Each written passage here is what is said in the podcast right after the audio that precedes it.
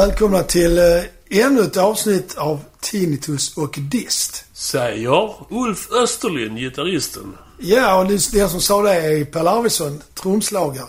Just det. Huvudinstrumentalist, som han själv påstår. Ja. Utan trummor, gitarrer, rister arbetslöst där. Ja, ja, ja. Ja, du tror det finns trubadurer, men det finns det inte. Nej, det är bara en myt. De är inte på riktigt. Nej. Nej. Eh, lite fakta först. Vi har en eh, Spotify-lista Mm. som heter Tinnitus och Dist. Och där samlar vi låtar. Den ligger på Spotify. Ja, det gör de faktiskt. Och där är ju låtar från... eh, Blandade låtar av artister som vi pratar om. Eller band. Ja. Eller låtar. Ibland pratar vi om låtar faktiskt. Ja. Eller musiker. Vi är väldigt mångsidiga. Ja, precis. Sen har vi en eh, webbsida som heter www.tinnitusochdist.weebly.com Weebly stavas W-E-E-B-L-Y. Eller hur Pelle? Ja. Och Man, tän- man tänker på oblyad bensin. We bly. Så kommer man ihåg den. Det är mycket bra råd. ja, men där samlar vi de bästa klippen från YouTube helt enkelt. Ja. Vi har förstått hur många timmar folk lägger på att leta upp de rätta klippen. Ja, precis. De timmarna lägger vi åt er. Såna är vi. Ja, visst. Så skicka en liten slant så, så vi känner att vi får lön för mödan så att säga. Just det. Ja, vad ska vi prata om idag då? Ja, vi är väl inne på eh, lite oenkla band igen. Där det inte alltid har gått smärtfritt till. Nej, jag... Då tänker fysiskt. Ja, precis. De slog sig till toppen som har framgång. som Ja, just det. Det vill säga band som har bråkat rätt så mycket med varandra men där, där det ändå har blivit jävligt bra. ja. Kanske just därför faktiskt också. Och bägge banden får man väl säga har eh, tillsammans, inte bandet tillsammans, utan bandmedlemmarna tillsammans. De har något alldeles speciellt när de spelar ihop. Ja, det är någon kemi liksom som, Ja. är, ja. Som troligtvis inte hade uppstått om det inte var just de personerna. Det Nej, vet man ju inte såklart men... nej men det, hade man bytt ut någon av medlemmarna så tror jag inte det hade blivit... Ja, en uppmärksam lyssnare jag anar ju att det handlar om två trios då. Det är inte Tollarparens trio kan vi... Har inte trio med Bumpa heller. Nej, så är det. Det var faktiskt med ett korsord jag löste för inte så länge sedan. Trio med Bumba. Ja, det, var- det, vad fan var frågan? Med Bumba, vad, frå- vad stod det i rutan så skulle det bli trio. Ingen under 60 anar nej, nej, det var så. Förbandet till Beatles-ungdomar. Ja, tillsammans med Lill-Babs. Just det. 61 var det va? Ja, jag tror det var 62. Men jag, det ska jag inte svära på. Nej. Nej, nu var det inte dem vi skulle prata om. Men vi ska faktiskt prata om ett 60-talsband. Eller jag ska göra det. Mm. Och det är då eh, ett av de första riktigt stora Mm. triobanden. Och hårda var de ju också. Fast de var ju inte... Ja, de fjärmar ju sig från det här eh, 60-tals popbandet liksom. Ja, de bildades ju 65, 66. Mm. Gino Baker, trummisen, han ville starta ett band. Mm. Ett eget band alltså. Mm. Och då hade han eh, hört Eric Clapton spela, som då spelade med John Mayall and the Bluesbreakers. Mm. Och precis hade släppt den plattan där Clapton sitter på omslaget och läser en serietidning som heter Bino. Just det. Jag vet faktiskt inte, plattan heter nog bara John Mayall and the Bluesbreakers. Jag kommer inte ihåg. Men innan det hade han varit med i Yardbirds, men han lämnade ju dem för att han tyckte de var lite för poppiga. Ja. Han, alltså Clapton var ju en puritan på den tiden. Han är fortfarande i och för sig. Men ja. han var ännu mer hårdnackad pu- puritan på den tiden. Som man är när man är ung. Ja, lite så faktiskt. Men i alla fall så hade Gino Baker hört honom och ville starta ett band. Och jo, det var ju Clapton sugen på för han hade tröttnat på Bluesbreakers. Som Clapton själv säger, det är lite zigenare blod i honom på det sättet att han ville liksom alltid framåt. Har det, Ja. Han ville inte stagnera liksom. Ja. Utan han flyttar på sig när han tycker att nu får det räcka så gör jag något nytt liksom. Ja. Så han var sugen på, men han ville ha, då frågade han Gino Baker, vem ska, vem ska spela bas då? Mm. Ja, det var ju inte riktigt Baker riktigt klar över, men då föreslog eh, Clapton att de skulle ta Jack Bruce. En snubbe som. Ginger Baker hade spelat med i Ja. Graham Bond Organis Organization. Ja, ja. Både Ginger Baker och Jack Bruce är ju, är ju egentligen jazzsnubbar får man nog säga faktiskt. ja, det tycker man sig kunna ana. Ja, ja, jazz med blues i botten men ja. ändå, det är inte, de är inte rockkillar liksom. Nej, nej.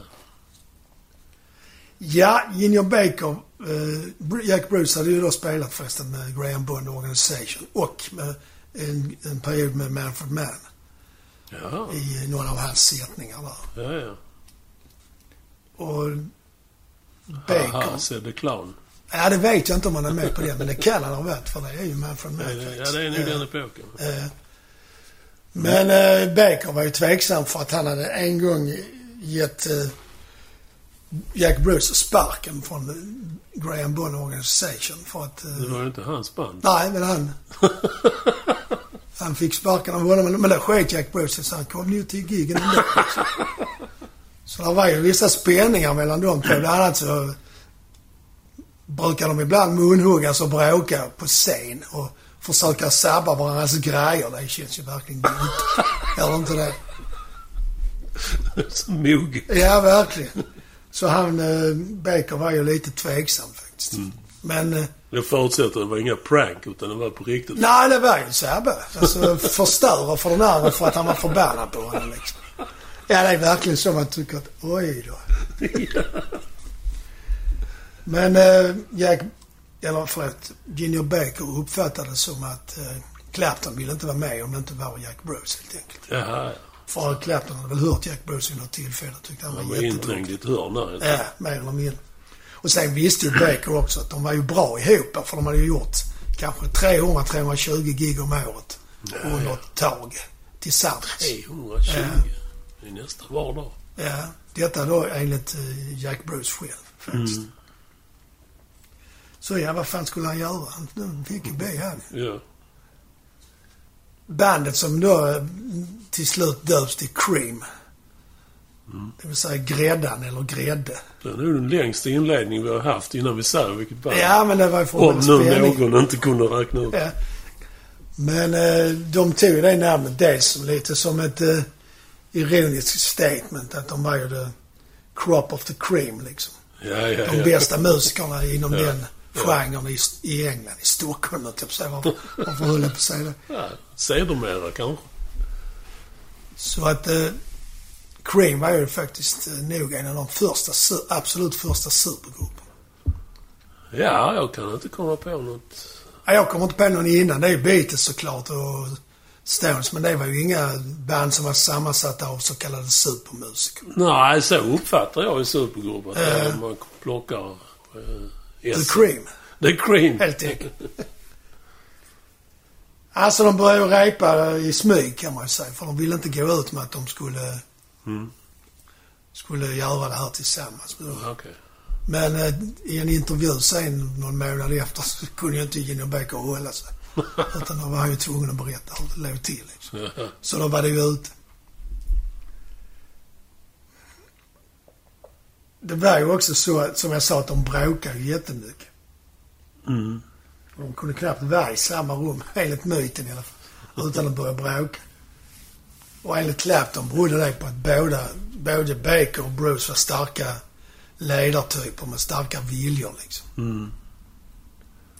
Det tycker jag man har kunnat ana sig till. Ja, det tycker jag man märker i intervjuer också. Ja, Alltså ja. när de intervjuas enskilt.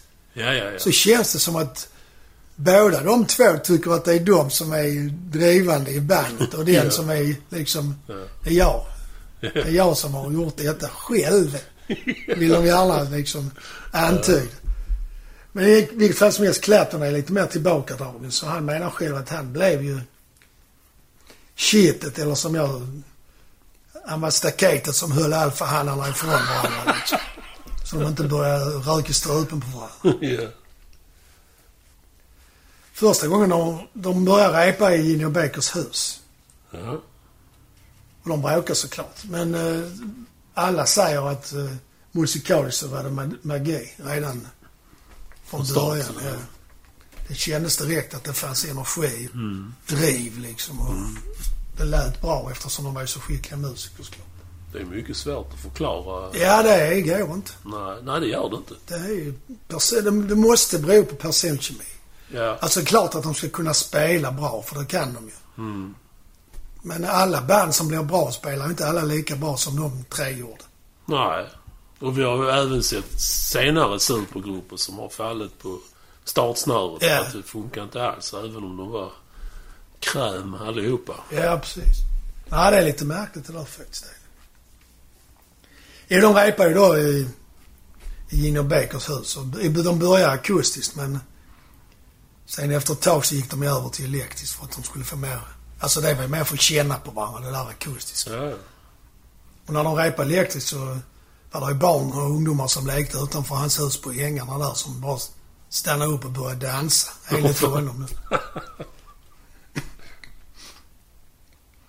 I den perioden, 65-66, då var det väl också så att eh, Jeff Beck höll på med sitt, tror jag. Ja, Hendrix igång. kommer väl 67, gör han inte det? Ja, Det är ju det där trioformatet, det var det jag är ute efter. The Who fanns ju också. ja, eh, ja, tre man som spelar och... ja. Nu är ju inte The Who en trio, men... eh, Nej, men instrumentmässigt är de det. Ja, Cream, och Hendrix är ju tremannaband liksom. Mm. Klassiskt på något sätt. Mm. Bas, trummor, gitarr och sång. Men Cream var ju också ett av de första hö, riktigt högljudda band som spelade improviserad bluesbaserad rock. Mm. Kan man ju säga. Ja, volym var nog inte eh, en väsentlig del av showen. De spelade väldigt, starkt faktiskt. Nej, men jag menar på första halvan av 60-talet så... Nej, nej, du menar bland andra band. Så, Ja. Nej, det var det nog inte faktiskt. Nej. Fanns, alltså det var ju inte så... Grejerna var inte så starka Nej, i början för det begränsade sig själv redan där. Det var nog... Ja, det var på 70-talet så det kulminerade och blev riktigt sjukt med...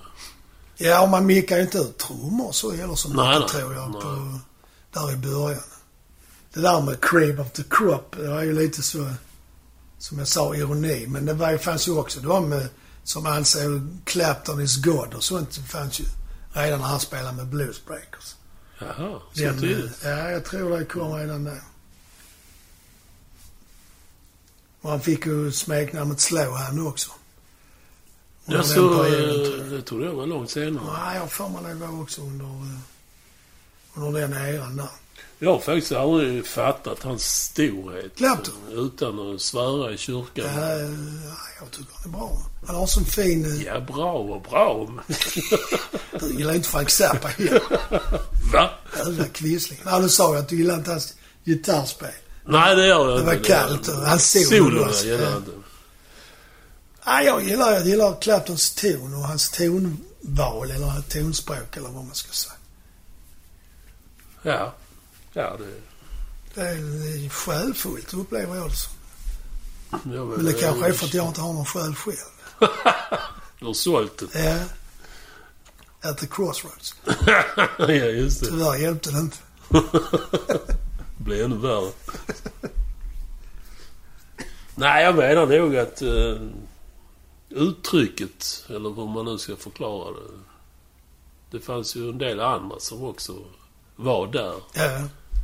och då som spelade minst lika bra. Ja, det kan man väl i och för sig hålla med om. Men det gör inte att Clapton är... Men det är klart man kan finna honom mer eller mindre intressant kanske. Ja, det, jag säger ju inte att han är dålig. Det är inte det. Jag tycker bara han är lite överhypad. Ja, men blir det inte så när man har varit med så länge? Ja, Alltså vem som helst i, i den eh, generationen är ju hypad. Känns det som i alla fall. Ja, men inte på samma sätt som han. Han är ju liksom nummer ett från den eran. Alltid i alla intervjuer. Ja, lite så. Sen så är det en annan sak som jag har tänkt på också. Att ofta när det är galor och sånt. De har satt ihop ett band och, som ska spela i, i något syfte. kan vara hylla en artist eller vad som helst. Eh, Princess Trust eller vad det nu är. Mm. Så är det alltid Clapton som får ta solon. Och det måste ju betyda att de De tycker han är bra, så han, det är han som ska göra det. Liksom. Eller så är det hypen som har liksom... Men han har betalat dem. för Eller bönat och bett. Kan inte jag få spela alla solo? Ja, han är helt enkelt en skicklig affärsman. Säljer sig själv. Sen har han ett sånt entourage som går runt och hotar de andra gitarristerna. Du, Skruva ner när det är solo. Det är bara han. du vet inte vad som händer med alla... Har du koll är det de säger i Monty Python där när de ska utpressa militären? Då det kan hända en massa olyckor med dina tanks och sånt. Då- Nej, det blir ett riktigt sidospår. Men bra. Eh, Creams genombrott kom med singeln I Feel Free. Det var faktiskt deras andra singel. Och den eh, släpptes samtidigt som deras debutalbum som då hette Fresh Cream. Ja, jävla bra platta. Ja, jag tycker de är bra. De gjorde tre. De gjorde Fresh Cream, The Israeli Gears och Wheels of Fire. Mm. Ja, Fresh Cream den är inspelad i mono, tror jag. Det var många, det gjorde man med många på den tiden. Ja, men det var något. Den gavs nog ut igen i mono för en- del år sedan. Ja, ja, okej. Och det var en... Det var faktiskt en ny upplevelse. George Harrison kunde inte förstå varför man skulle ha två högtalare när det lät så bra bara i munnen. Varför ska man ha stereo? Så konservativ. Ja, men de, de, de fattar inte riktigt det. Men, det... men på den tiden om man lyssnar på gamla Beatles-plattor så ligger trummor och sången i en högtalare. Ja, ja. Så ligger allt det andra Ja. i den andra. Det, det, ju, det blir ju, det kan man, ur det perspektivet kan man ju förstå George Harrison faktiskt. Ja, Det det, blir är konst. sjukt. Nej, ja, det var ett annat band. ja. Men för att... Nu kommer jag på att George Harrison och eh, Clapton skrev faktiskt en låt ihop till Cream som heter Batch. Jaså? Men eh, George Harrison kunde inte stå med som låtskrivare för att han eh, hade kontrakt med Apple. Så alltså, där, jag tror det står Harry Gregson eller något. Alltid dessa roliga Ja, visst. Annars var det faktiskt mest Jack Bruce och en textförfattare som heter Pete Brown Jaha. som skrev låtar. Men Clapton och Baker hjälpte till och gjorde en del egna också. Men Mm. det mesta var faktiskt eh, Jack Bruce och Pete Brown. Ja. ja, min favorit är White Room. Ja, den är jättebra. Skrev han den också? Det kan jag inte svara på. Det kan vi ju sig googla. Om jag hade haft en telefon i närheten. Den är skum för den, eh, det är femtakt i introt där. Ja, just det.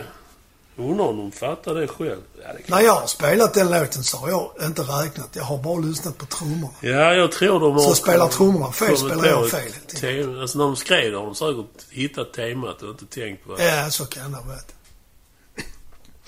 Jag brukar alltid vara jävlig. Vi spelade också i ett coverband jag var med. Så jag brukar alltid räkna till fem innan vi börjar.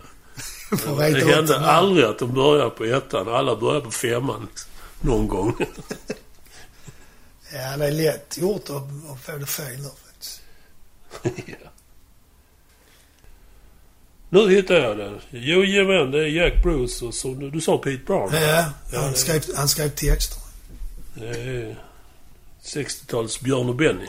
Ja. Eller Stickan Andersson och Peter Himmelström. Ännu bättre. ja, bra låt är det i alla fall. Ja, det är det verkligen. Live var det ju väldigt fria tyglar. Mm. Alltså det var som jag sa innan var ju improvisation. Låtarna kunde vara hur långa som helst. Mm. Och vem som helst kunde spela solo. Mm. Och Gin, vad heter han? Jack Bruce, han spelar ju inte enkel bas, följa bastrumman. Utan han vevar ju loss riktigt. Väldigt jazzigt. Clapton menar själv i en intervju att de troligen var det första heavy metal-bandet fast de visste inte det då. Fast det håller jag inte med. Det känns ju som en efterkonstruktion. Ja, visst. Nej, det köper jag inte. Jag tycker de är mer, eh, alltså de är, det är för mycket jazz och blues för att det ska vara heavy metal. Möjligtvis det första Deep Purple-bandet. Ja, eller om kanske Jeff Beck och Zeppelin. Ja, mer åt det hållet i så fall. Deep Purple var inte så sjuka i sin musik. Som... Nej, de är ändå mer straight på något Ja. sätt. Eh, Nej, jag vet inte riktigt vad, hur han fick ihop det, men... Ja.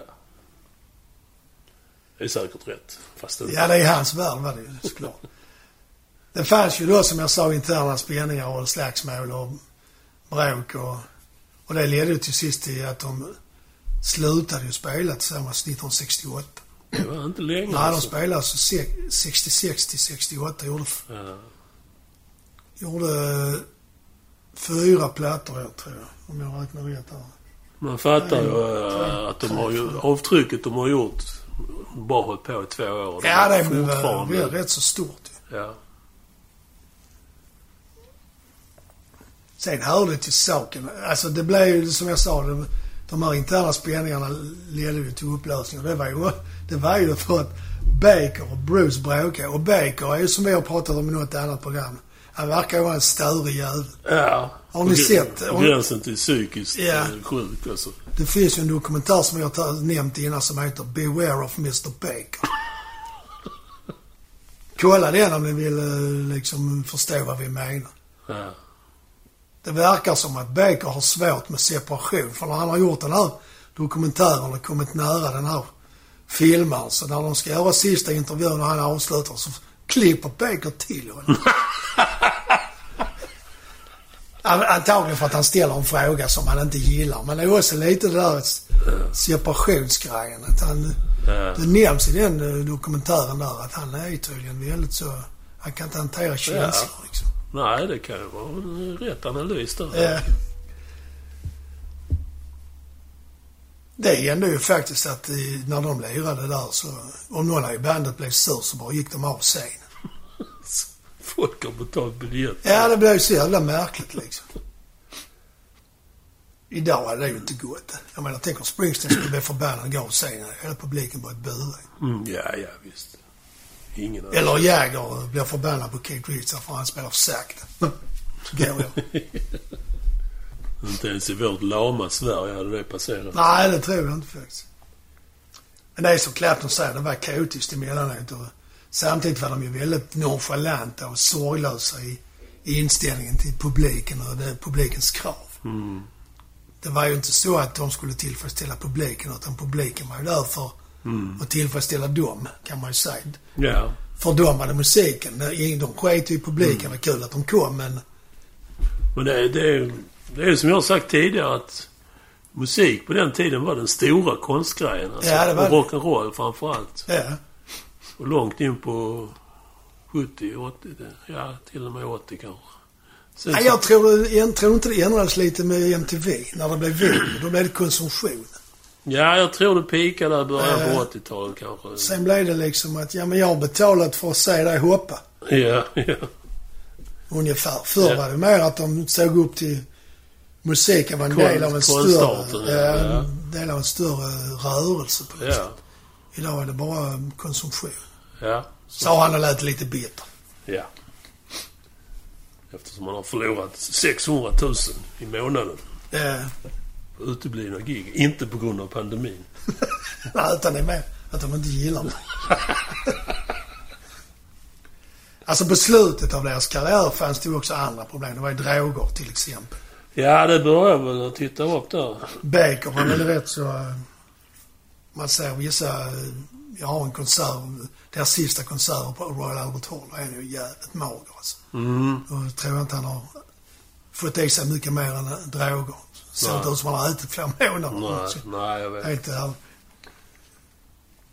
Och Clapton tyckte dessutom också att man, de lyssnade inte tillräckligt på varandra utan alla var mer ute för att glänsa själv eller bara sträcka ut en massa långa solo. Ja. Så till sist tröttnade Clapton på det. En av orsakerna till att de kunde göra det var att utrustningen blev större och starkare. Skyttegravskrig. Ja, lite så. Och ibland så spelade Bruce så starkt så att det dränkte både trummor och gitarr. Clapton påstår själv att vid ett tillfälle slutade han spela helt och hållet och ingen märkte det. För då var de så inne i sitt, Baker och Bruce. Så under en turné i Texas så sa Clapton att han vill, jag vill inte mer. Och då erkände Baker att det ville inte han heller. Så då beslutade de sig för att lägga ner. Men de blev övertalade att göra ett album till. Som är deras fjärde, som då heter Goodbye. Jaha. Och så spelade de in de två avskedskonserterna som jag nämnde Mm. På Royal Albert Hall. Mm. Och där har jag den på DVD. Ja. Men det är ju troligen som vi sa innan, det är ju bråken som gjorde att de, och spänningarna som gjorde att de blev bra. Ja, det tror jag. De blev stora i USA och Europa, men de kanske inte så jättestora i eh, Storbritannien faktiskt. De var ju stora, men det var inte... De var större i USA. Ja, det visste jag inte. Och då är vi inne på det där med låtarna. Det är White Room, Strange Brew gillar jag också. Ja, det är en bra låt. Tales of Brave Ulysses. Ja. NSU, Batch, Oh, ja. som jag nämnde innan. Sunshine of Your Love är också. ja, det är en bra låt också. Mm. Ja, de slutar 68 och spelar aldrig mer ihop sen. Förrän 2005. Bra eh, semester där. När. Clapton börjar tycka att det är kanske dags att summera min karriär och, det, och folk frågar alltid om finns det någon chans Ja. att Cream kanske spelar ihop igen. Så han börjar fundera på saken. Ja. Sen ringer han Baker.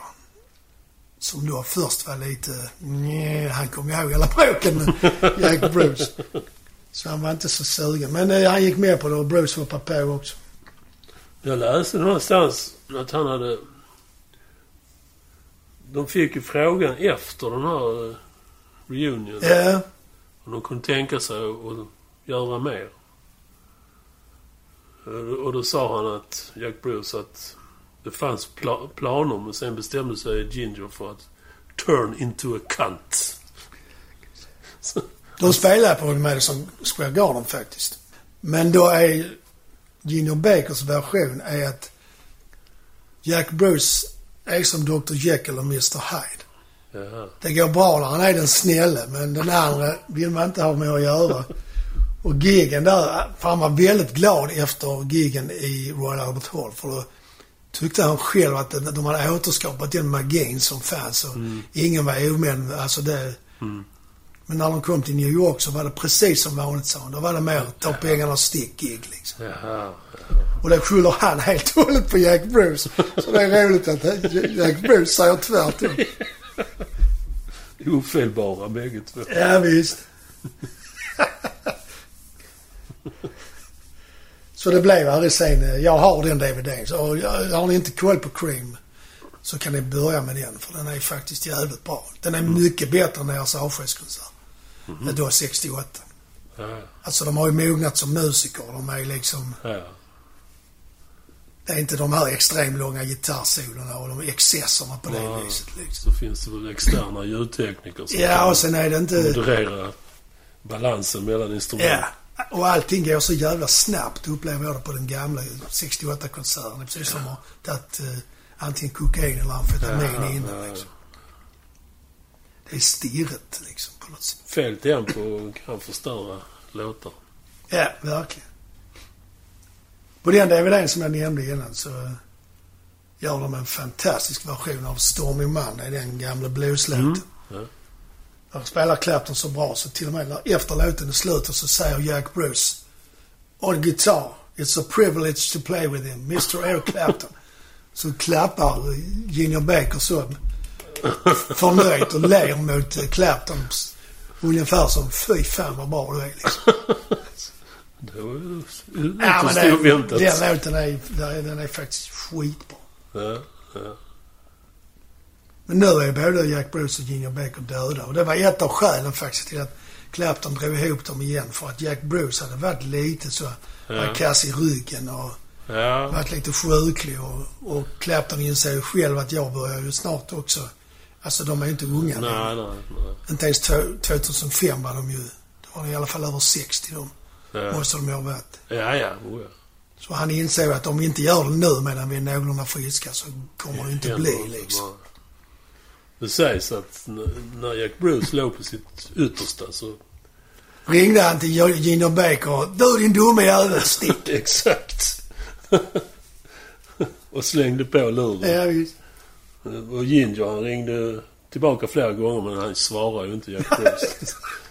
Kanske är det en skröna men faktum är att de, de hatar varandra så mycket, Jack och Ginger. Och de skulle alltid ha sista ordet som man ska när man är ovän med folk. Men denna gången fick Jack Bruce sista ordet. Ja. Ja.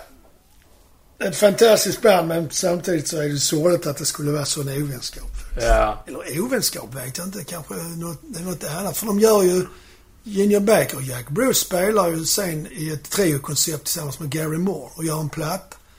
Ja, alltså det, detta är ju kanske skrönor. Ja, Kanske har de haft underbara stunder Ja, det har de också. säkert haft, de har men, eh, levt i total harmoni ja. länge och det det vet, vet man inte. Det är roligt att berätta när de har slagits. Såklart. Det blir mer stories av det. Den lille Hänt i veckan i oss vill ha feta rubriker. Ja, precis. Eh, Clapton har ju faktiskt vid något tillfälle själv sagt att han, han alltid var lite rädd för Ginger Baker faktiskt. Ja, för Ginger. Baker var ju tuff och hetlevrad och dessutom lite narkotikaberoende. Mm. Och kom väl in i perioder med abstinens och sånt kanske. Jag vet Ja. inte. Ja. Och det visar sig när, han- efter Cream lägger av så börjar eh, Clapton jamma med sin kompis Steve Winwood hemma hos Clapton. Mm. Och så hittar de en basist och så fortsätter de att jamma och där stövlar Ginger Baker in och tycker att jag ska spela trummor i det här- bandet och då vågar inte Clapton säga nej. Två konstiga grejer i samma Så då blev det liksom... Och de gjorde faktiskt bara en platta. Ja, ja. Sen gick det inte mer liksom. Men anledningen till att de la av var ju inte bara att de bråkade. Det var det också att Clapton tröttnade på dem. Att han alltid skulle spela så jävla långa solo. Alltså han tyckte liksom, eh, Mm. vad är det för kul med detta? Och speciellt eh, efter att de hade turnerat i USA och stött på Delaney och Bonnie som var ett rätt så organiskt eh, soulrock-aktigt band. Eller southern soulrock liksom. Ett av de första. Och även efter att han hade hört The Bands första platta. Mm. Music from Big Pink. Så ville han vidare igen. Ja, då insåg han liksom att det kanske inte är eh, improvisationen som gör att låten är bra. Utan det är kanske mer låten i sig. Ja. Det är ju i och för sig en bra insikt. Ja, för efter det så har han ju själv ju haft ett mer sångbaserat eh, Ja, musikerliv kan man ju säga. faktiskt. Absolut. Men det gick ju bra efter Cream. För alla. Men det gick väl bäst för Clapton rent kommersiellt i alla fall. Ja, det tror jag. Ginger Baker spelar ju, startade bland annat ett band som hette eh, Ginger Bakers Air Force. Som eh, gi- gick lite mot jazzrock och afrikanska rytmer och sånt. Mm. Rätt udda och konstig. Ja, Jack Bruce han spelade ju flertal soloplattor. Mm, jag gillar den perioden med Jack Bruce. Ja, Song for a Tailor heter hans första soloplatta. Mm. Sen gjorde de ju då tillsammans med Gary Moore. Mm. Och eh, enligt eh, Gino Baker så... Han är rolig för han säger rätt ut vad han tycker liksom. Eller jobbig. ja, det beror på vilken sida man är på. Men han säger i någon intervju jag såg att ja, vi var ju tre musiker som, och nu ska jag försöka säga det på engelska, som aldrig ägnade oss åt det där leaping about on stage crap. Det vill säga vi hoppar inte runt som tokar. skiten. Och att de då, alla tre hade the gift of time. Alltså att de hade timing. Ja, ja. Och det var det som gjorde att det blev bra trots att det var liksom långa improvisationer och Ja, jävligt musikerinriktat. Det var ju bara, de spelade mer eller mindre för sig själv. ja. 1967 så publicerade Rolling Stone en artikel där man i, i artikeln frågar retoriskt Will Cream stand the test of time? Och enligt Baker så gjorde man det. Oväntat. Och kommer att göra. Även jag Ja, fall. både ja och nej. Beror på vad man menar med test of time. För det går ju inte... Nej, de är ju fortfarande omtalade. Ja, och de är ju, det är ju fortfarande bra i, i det, för de som gillar den musiken. Mm. Sen är det ju format som du nämnde, de här långa solorna. Ja, men det är ju mest live. Ja, jag, jag skulle komma, tänkte säga det också, att skivorna är ju inga problem. Nej, Så ja, visst Baker. Ja, du fick rätt. han fick rätt. Grattis! Och med det släpper vi väl in en annan, annan trummis. Ja, han är också rödhårig idag. Dagen till ära. En Hisa Baker.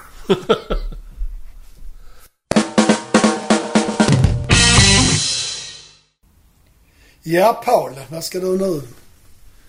Vem ska du nu berätta om som har boxats? Ja, det är ju samma tema där. Det är en trio och de bråkade jävlar i det. s- nästan från dag ett, förmodar jag. Men för mig, det här bandet, den här trion ska jag säga, det blev snabbt en favorit under en mörk tid. Där, där egentligen hade jag loggat ut musikaliskt. Jag var beredd att leva resten av livet som en grumpy old man som sitter i ett hörn och muttrar om Genesis, Led Zeppelin och Deep Purple och sånt. Vi är tidsmässigt såklart i slutet av 70-talet när all fin musik hade skuffats undan. Disco, punk, ska, reggae och andra avarter hade kommit för att stanna. Men plötsligt sking- skingrades molnen. Ur askan reser sig ett band. Som man kan väl säga att de blandar eh, allt det nya eländet och förvandlar det till en egen skön pyttipanna. Liksom. Gräddstuvad får jag väl säga. Apropå cream. Och bandet är förstås Polis. Ja, men de var ju, det som du sa, de hade ju... De gick ju under... Man kallade det för punk, men det var det ju inte. Det var bara att råka komma fram det. Nej. De, ja, de, de, de hittar sin egen hylla helt enkelt. Ja. För det är ju ingenting som har vare sig före eller efter, som har låtit som de gör. Nej, och, faktiskt och då är vi där igen, att de tre tillsammans, de kunde åstadkomma någonting överjordiskt. som- Ja. Som är svårt att sätta fingret på, men de gjorde det. De bildades 1977. Och det gick undan för de släppte eh, debutplattan året efter. Den hette Outlanders d'Amour. Det känner jag igen faktiskt. Ja, det, det, det blev ju... Alltså den slog ju direkt. Singlarna Roxanne och Can't Stand Losing You, de sprang ju upp på listorna direkt. Ja, Och under de följande åren spottade man ut Regatta de Blanc. Zenyatta Mondata. De har verkligen... de har jobbat med namnet. Och den sista då, Ghost in the Machine. Alla blev kioskvältare. Och både, det är ovanligt, publik och press älskade det här bandet.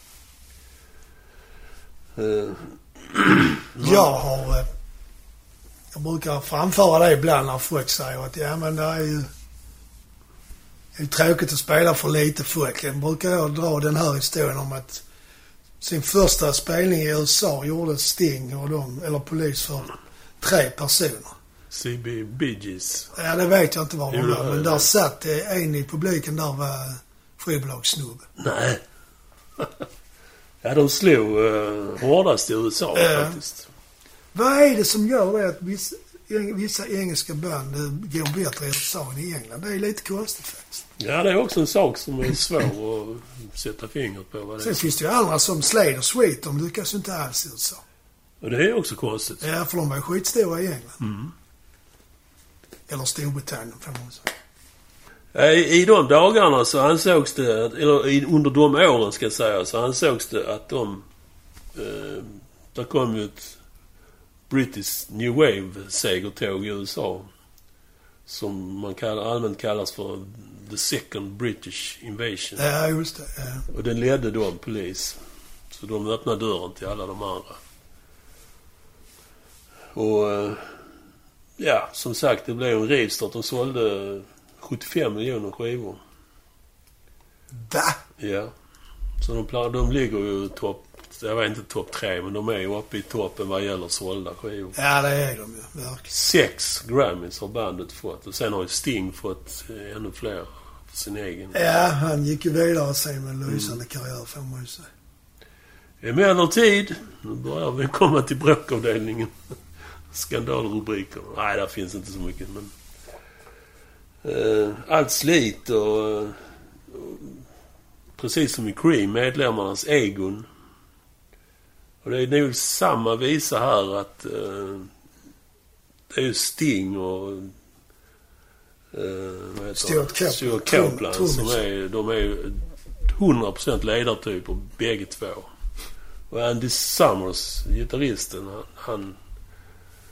Han är nog inte ovillig till att bråka. Han är inte direkt någon ledartyp som jag har uppfattat det. Ja, okej. Men eh, två ledartyper i ett band, det, det, det brukar inte bli bra. Det kan, det bli- kan bli bra konstnärligt, men i Person, personligt kan det ju skära sig kanske. Ja. Och det, det blev ju då de gjorde en turné på den skivan. Men efter det så tog man ett sabbat... Nej! Innan skivan tog man ett sabbatsår. Innan vilken skiva pratar du om? Ghost in the Machine. Ja, den sista. Ja, okej. Och då hade de en massa andra grejer de pillade med. Framgångsrika sidoprojekt. Um, Andy Summers, gitarristen, han spelade in en skiva med Robert Fripp. Ja, okej. Och Sting. Du kommer ihåg när han, den här Quadrophenia, Who-filmen? Den Filmen, ja just det. Var- gjorde han en lysande roll. Han landade en annan fet filmroll i eh, mycket påkostad film av David Lynch som heter Dune. Men det var en sån högbudgetfilm. Den bygger på en science fiction-roman, tror jag. Jaha, okej. Det är nog därför jag inte har sett den. Ja, du är inte så intresserad av det. Jag har inte heller sett den faktiskt. Ja, annars gillar jag science fiction. Jaha, inte nog med Men att du det spelar inte gitarr. Ja, jag gillar science fiction också. Ja, och så gillar jag att baka. Och knyppla. Men var det inte så att... eh, Eller det är som jag har fel för mig att det var Stuart Copeland som startade bandet? Eh, Ja. ja, du... Ja, alltså jag ska inte svära på det, men jag har för Jag är inte säker, men jag vet att det, Andy Summers var inte med från början. Nej, han kom in, ja, just det. De hade en annan gitarrist och ett tag i början körde man på fyra man men sen blev han väl sidste- sidsteppad originalgitarristen. Ja, okej. Ja, för jag såg en gång en... Det var när de skulle göra en reunion-turné. Ja. Så intervjuade de Sting och Stuart Copeland i något... Eh, ja, det kvittar vilket program. Men de var i alla fall samtidigt på intervjun och då började de... Då började man, de liksom tuppfäktas där i, intervjun. Vem det. Alltså jag uppfattade det som att underförstått handlade hela tuppfäktningen om att vem, vem det egentligen var som var bandledaren och vem som, som liksom bestämde och, vi, och vem som hade makten. Det var väldigt märkligt att se liksom. Och dessutom offentligt. Ja, det var det som var märkligt tyckte jag. Det var så, de var så pass eh, förbannade på varandra så de kunde inte hålla det liksom innanför väggarna utan det, via TVn. Ja, alltså efter den här skivan Ghost in the Machine så var man ju på höjden av sin karriär och det, de var jävligt högt uppe Ja, de var tiden. jättestora där. Det var ju liksom... Ja, det var top notch. Ja, de hade en som hette Don't Stand So Close to Me, hade de inte det? Just det. Som kom i, det, i slutet av... Alla plattorna hade ju minst två hittar. Ja. Sen gjorde de ju den uh, Every Breath You Take. Ja, den ligger på Ghost in the Machine. Ja. Och den är väl inte... Ja, den är inte typisk dem. Det blev ju naturligtvis en jätte... Ja, men kanske den är den mer. Sting än vad det är... eh, Det, det liksom ger en föraning till var han själv är på väg med sin solokarriär, kan man säga. Jag är inte så förtjust i hans solo. Ja, nej, vissa låtar tycker Ja, jag är jättefina. Men det är lite för mycket jazz och Ja, men han kom väl från jazzen, gjorde han inte? Ja, Han var inte punkmusiker. Absolut inte. Ingen av dem var det. De Nej, bara... de kunde ju spela liksom. Ja. De bara klippte sig och färgade håret blont och så... Köpte leopardmönstrade t-shirts. så seglade de med i den rörelsen. Ja, de kände att, både själv, och andra kände att, hallå, vad fan gör ni här liksom? Det var ju samma med Elvis Costello. Hans Ja. hans farsa var ju storbandsledare eller något Ja. sånt. Och han var ju rätt så duktig själv musikaliskt. Ja. Kunnig liksom. Ja. Så det var ju ingen punkare det heller. Och han har ju gjort, efter punkkarriären så har han gjort jazzpla, alltså Ja. gamla standards och Ja. sånt. Eh, Ja, det blev ju en eh, lång, lång turné efter. Och de fyllde ju arenor, det behöver jag inte säga för de var... Nej, med så många sållaplattor så Mm. är det underförstått. Och eh, på höjden av sin karriär där. Och ganska tidigt, precis som Cream, de, de hade hållit på sen, vad blir det? 77 tyckte du så? Ja, fem år. Sex år. Så vad som trodde skulle bli en lång och lysande karriär, alltså hela bandet imploderar där. I den absoluta peaken. Eller kanske just där. Men det var inte därför, för det, det hade funnits slitningar hela vägen såklart. Men eh, det kulminerade eh, när de spelade in den sista plattan.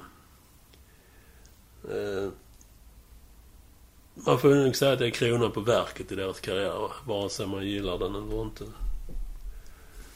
Men eh, när de spelade in den så den enda kommunikationen dessa polismän hade under inspelningen det var högljudd, högljudda okvädningsord liksom.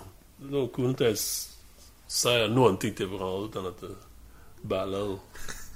Fan vad, jobbigt att vara i en sån miljö. Ja, ja. De, de riggar upp utrustningen i olika rum i studion. Delvis det vanliga för att det är lättare att Separera. separera alla ljud och sång och sånt när man ska mixa det sen. Men framförallt, alltså de kunde inte vara i samma rum. Men på något sätt så gick aggressionerna genom väggarna eller i någonting. Så de, alltså de...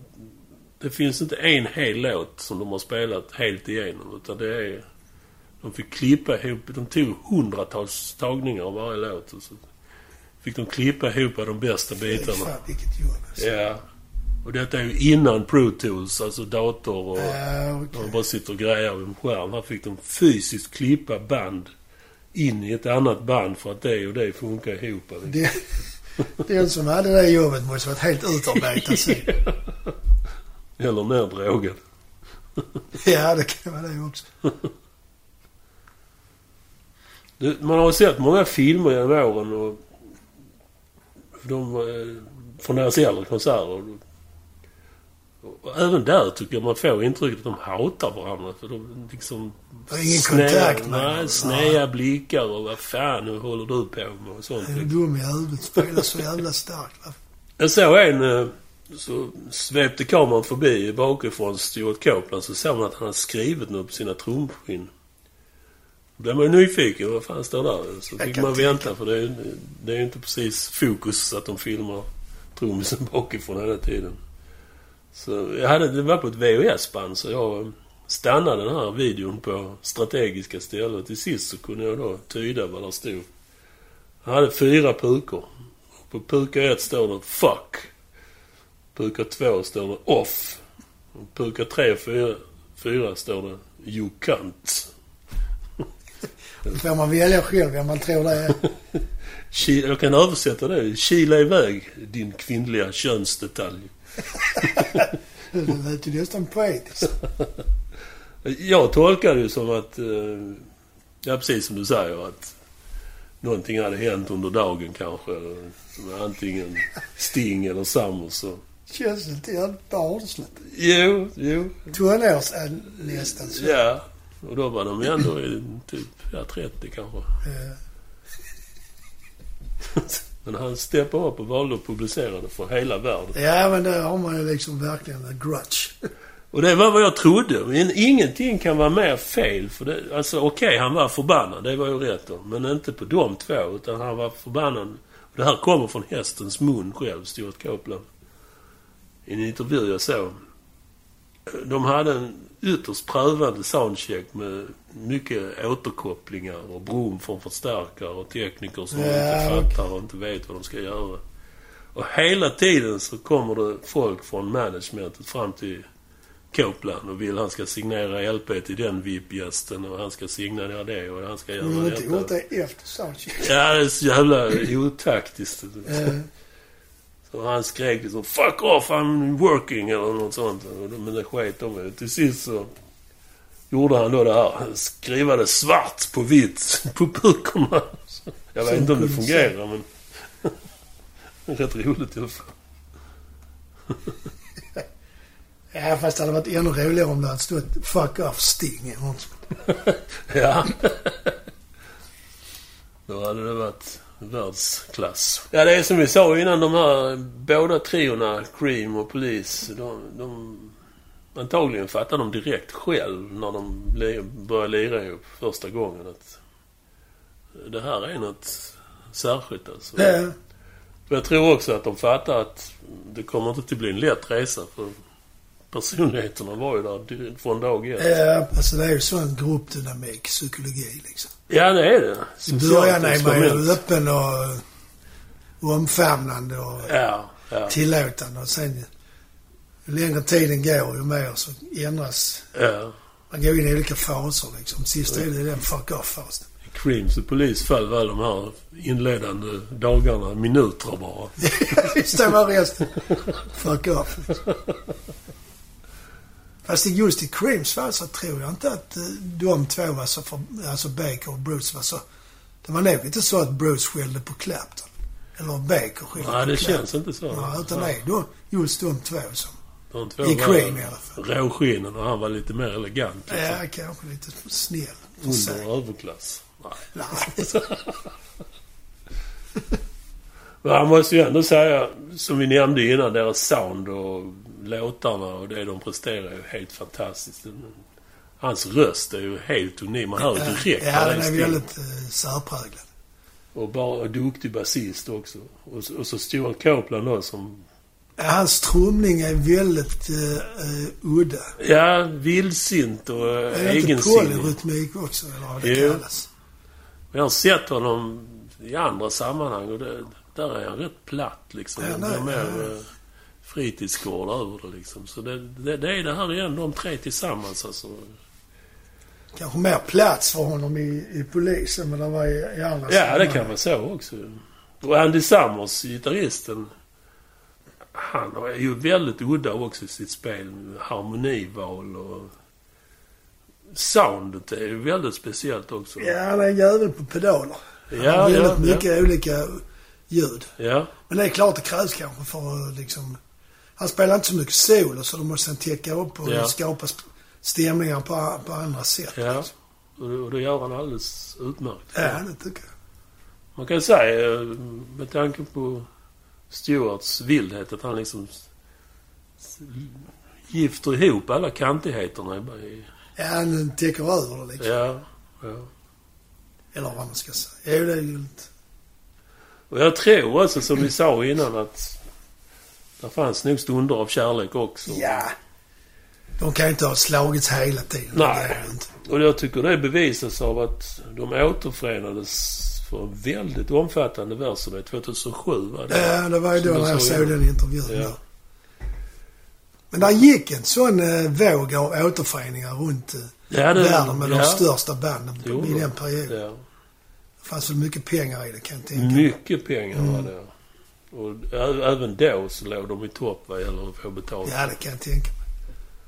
Sting var ju stor eh, ändå. Ja, oh ja. Och de gör uh, fortfarande spelningar då och då. De det? Ja, senast i, i augusti 2021 gjorde de en. Ja, så. Ja. Det hade jag ingen aning om. Men... eh, ja, med tanke på det du sa och den intervjun och det och jag har också läst lite om att det gnisslar ju även under återföreningen. Ja, ja. Alltså ett år med mycket spelningar och aldrig hemma och... Långa resor, man är trött. Ja, Sena nätter, ja. Och tidiga morgnar. gnager på varandra hela tiden. Ja, så visst. så det, det, det, det blir nog inte mer än ströspelningar. Nej, de, de klarar inte mer. De får gå med handskar, boxhandskar på. Eller sådana mjuka handskar på mellan eh, giggen. Ja. Så de inte börjar slå på varandra och slår sönder. Nej, jag vet inte om de slogs på det sättet. Men Nej, jag tror det inte kanske det. mer fy- psykiskt liksom. Ja, det kan vara nog så påfrestande Ja, ja, för både de själva och omgivningen. Ja. Ja, det var man- det om detta. Jag bara tänkte säga, tycker man Madness var ett sånt band. Vem ska man... Ja. Alltså manövrera Ja. där måste vara en hel Alla vetenskap. kommer med sina egna vinklar på Ja hur visst, det så ska gå man försöka... De ska vara sams. De ska hålla ihop och så ska du manövrera så du inte blir deras syndabock och åker ut liksom. Så hur man än vänder sig så är det Ja. skitjobb Och sen helt plötsligt så är alla tre överens och så kommer de mot dig. med enad front mot Ja. managern. Ja, fy fan. Ja, men det man får ändå ge det att det var två bra band. Absolut, det var det. Men de bråkade. Ja. Ja, och med det så ska vi då ut och boxas. Ja, jag har tagit av mig boxhandskarna för det ska göra ont. Ja, det är precis. Ja, men det är inte mer rätt. Jag trodde du skulle säga att ta av dig tröjan. Men det har han inte, det kan jag Det är garantera. bara du som sitter med bara överkropp. Ja. Tack för idag folks. Hej då. Tack ska ni ha. Hej.